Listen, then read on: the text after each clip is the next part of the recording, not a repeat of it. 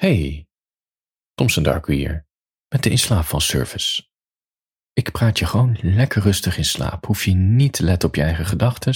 Als je op dit moment trouwens niet in bed ligt, val dan niet in slaap. Blijf wakker met mijn verhalen. Even nog een shout-out naar mijn Petje Af community. Dat zijn mensen die mij maandelijks steunen. En ja, ik weet dat deze grote kapitalistische corporate wereld je een beetje gevoelloos en apathisch maakt tegenover de dingen waar jij je geld aan uitgeeft. Maar in mijn wereld maakt dat een heel groot verschil. Mede dankzij mijn petje afsteuners kan ik in jouw oor praten.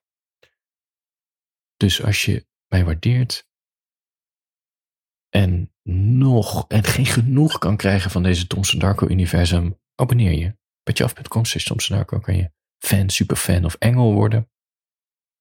Dan krijg je een persoonlijke feed, kan je toevoegen aan je podcast app, krijg je allemaal heel, hele mooie, diepzinnige afleveringen die je terug kan luisteren.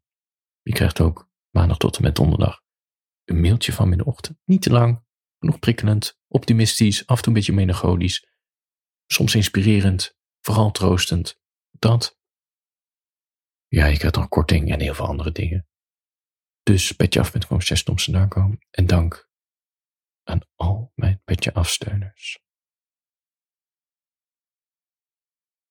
Voor je gaat slapen. We gaan het hebben over nepvrienden. Nepvrienden. Het is een onderwerp die me echt veel heeft beziggehouden. En nog steeds wel bezighoudt, moet ik eerlijk bekennen. Je ontkomt er ook niet aan. Naast liefde heb je ook een vriendschapsleven en een familieleven. Maar ja, vriendschap neemt natuurlijk een belangrijke rol in. En je verandert. En je vrienden ook. En dat zorgt altijd voor wrijving en spanning en gedachten over wat, wat moet ik met deze vriend? Of andersom, wat moeten ze met jou?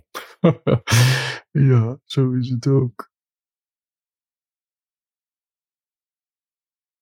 Ik denk dat ik weet wat een goede vriend onderscheidt van een nepvriend. Dit is mijn theorie.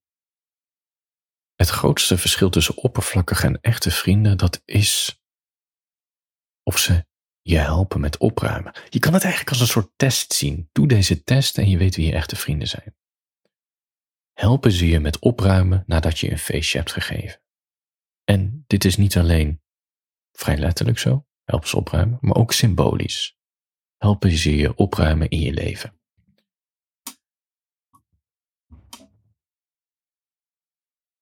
Ik heb een tijdje in Deventer gewoond. Stad aan de IJssel. Deventer Koek. Um, de Brink. Go Ahead Eagles. Wat me nog meer opviel was mensen die uh, heel fanatiek een hand uitsteken bij rotondes. Dat heb ik nooit ergens anders in Nederland gezien. In Deventer zijn ze er heel fanatiek in. Ja, Deventer. Deventer. Ik had een klein slaapkamertje dat ik huurde in een studentenhuis. En er was nog een ander kamertje, die huurde een vriend. Dat was het. En we hadden een heel huis tot onze beschikking, maar we betaalden voor die slaapkamer. Het was een huis uit de begin 1900. Echt wow. Wow, wow, wow. Hoekhuis ook nog eens. Het had een voor- en een achterkamer. Het was een schitterende gang. In die gang een trap naar boven. Maar ook een deur naar een kelderkast.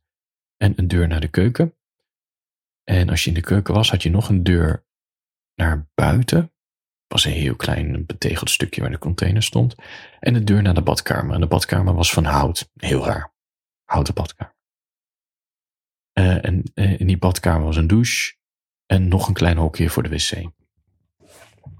Als je de trap op ging, gelijk rechts mijn kamer. Rechtdoor had je een soort kleine overloop. Op zich, daar kon je nog wel een tweepersoons luchtbed in kwijt. Dus daar sliepen wel eens wat mensen. En dan had je een kamertje van die goede vriend. En die had nog een balkon. En er was nog een heel mysterieus zoldertje. Dan moest je, laten we zeggen, iets uit het, uit het plafond halen. Dan kwam er een trap naar beneden. Als je op zolder keek, ja, het was één grote stoffennest. Daar hebben we niet zo heel veel tijd in doorgebracht. En jou, schitterend huis voor de prijs van niks. Alleen, er waren wel wat nadelen in dit huis. Want ze stopte, het, was, het werd via de woningbouwvereniging verhuurd aan studenten. En ze stopte er niets voor niets studenten in. echt, I kid you not, door elke kier in dat huis voelde je de wind. Niet oké. Ik ga het even banaal zeggen, maar poepen op de wc was echt onmogelijk, want je billen bevroren eraf. Niet alleen je billen, als je opstond had ik geen ballen meer over. Die zaten, laten we zeggen, verstopt in mijn buikwand. Zo koud. En als je tv keek op je blote voeten, dan voelde je zo de wind zo langs je enkels gaan. En de schimmel in de badkamer was niet te hard, want er zat natuurlijk geen afzuiger in. En ja, wat een, ja. We stookten ons ook een ongeluk. En we waren nog best zuinig. Maar toch, we stookten ons een ongeluk om iets van warmte te voelen. Want het plafond is natuurlijk heel hoog. Dat heb je in die klassieke huizen. Dus alle warmte ging naar het plafond toe. Voelde je onder de wind. Sorry.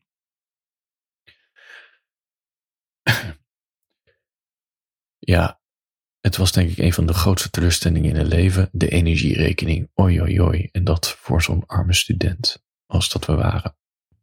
En heb ik het nog niet eens verteld over de fucking naakslakken die zich in grote getalen door het huis voortbewogen. Er was blijkbaar ook nog een kelder. Die kelder was half open naar de buitenwereld. Daar leefden heel veel slakken. En een of andere manier vonden ze het leuk om over de keukenvloer te lopen. Dus elke keer als ik in de avond naar de koelkast liep voor een biertje of uh, een glas water te vullen, moest je oppassen dat je niet met je grote teen in zo'n naakslak stond. Echt niet oké. Niet oké, maar ik wil het nu niet meer over die naakslak hebben. Kijk, je bent jong en je wil wat. Dus elke week zat ons huisje vol met mijn jeugdvrienden of mensen van de studie of mensen die we in Deventer hadden ontmoet. Lekker blowen, potje kolonisten, al mag je dat niet meer zeggen, geloof ik. Potje katannen bedoel ik, pokeren, dat was toen ook in. En daarna gingen we of straalbezopen de stad in, of we bleven gewoon straalbezopen. Ik had, oh, dat is wel vet. Ik had zo'n tafelvoetbalspel. Gingen we heel bezopen tafelvoetbalspel, uh, competitie spelen met elkaar. We hadden de tijd van ons leven. En als we in de stad waren, weet je, de nachten eindigen altijd in de kebabtent. En daarna kwam de lange tocht naar huis. We namen altijd de lange weg naar huis. We, oh, sorry, mijn maag knort. We slingen een beetje door de binnenstad heen, door allemaal wijkjes heen. En uiteindelijk kwamen we thuis. En dan of een aantal gingen slapen, of er werd een nieuwe joint opgestoken. Gewoon, ja, die nacht eindigde eigenlijk nooit. Maar ja, het nadeel van de nacht is, is dat het dag wordt. En met veel te weinig slaap, met veel te veel koppijn, werden we één voor één wakker, nadorst. En dan zie je de ravage in de woning. As, bierdopjes, lege froten, vreten, gefroten chipzakken, jointjes, wietzakken. Gewoon rommel. Gewoon rommel. En weet je wat die vrienden deden? Elke keer weer. Ze ontbeten niet eens. Ze stonden met een kater op, pakten hun spulletjes, rolden een matje of een luchtbed op en liepen naar het station toe of als iemand met de auto was, gingen ze in de auto en reden ze terug naar huis. Ze pisten nog even de wc onder en weg waren ze.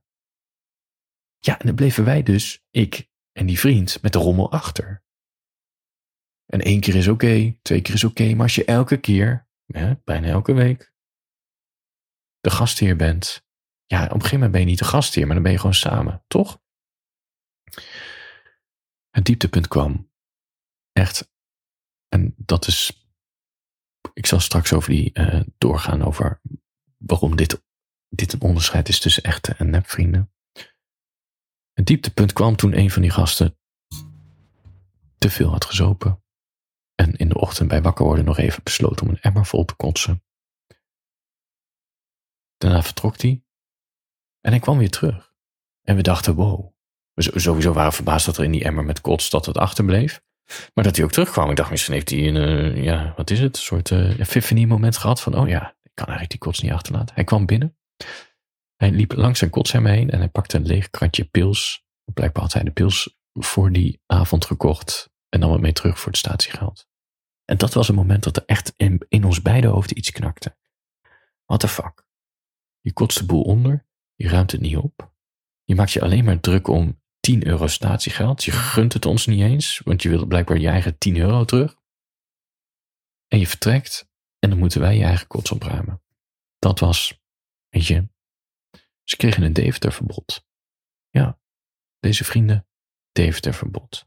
Lange sms gestuurd, was nog de tijd van sms'en. Jullie zijn niet meer welkom. En ze waren echt niet meer welkom.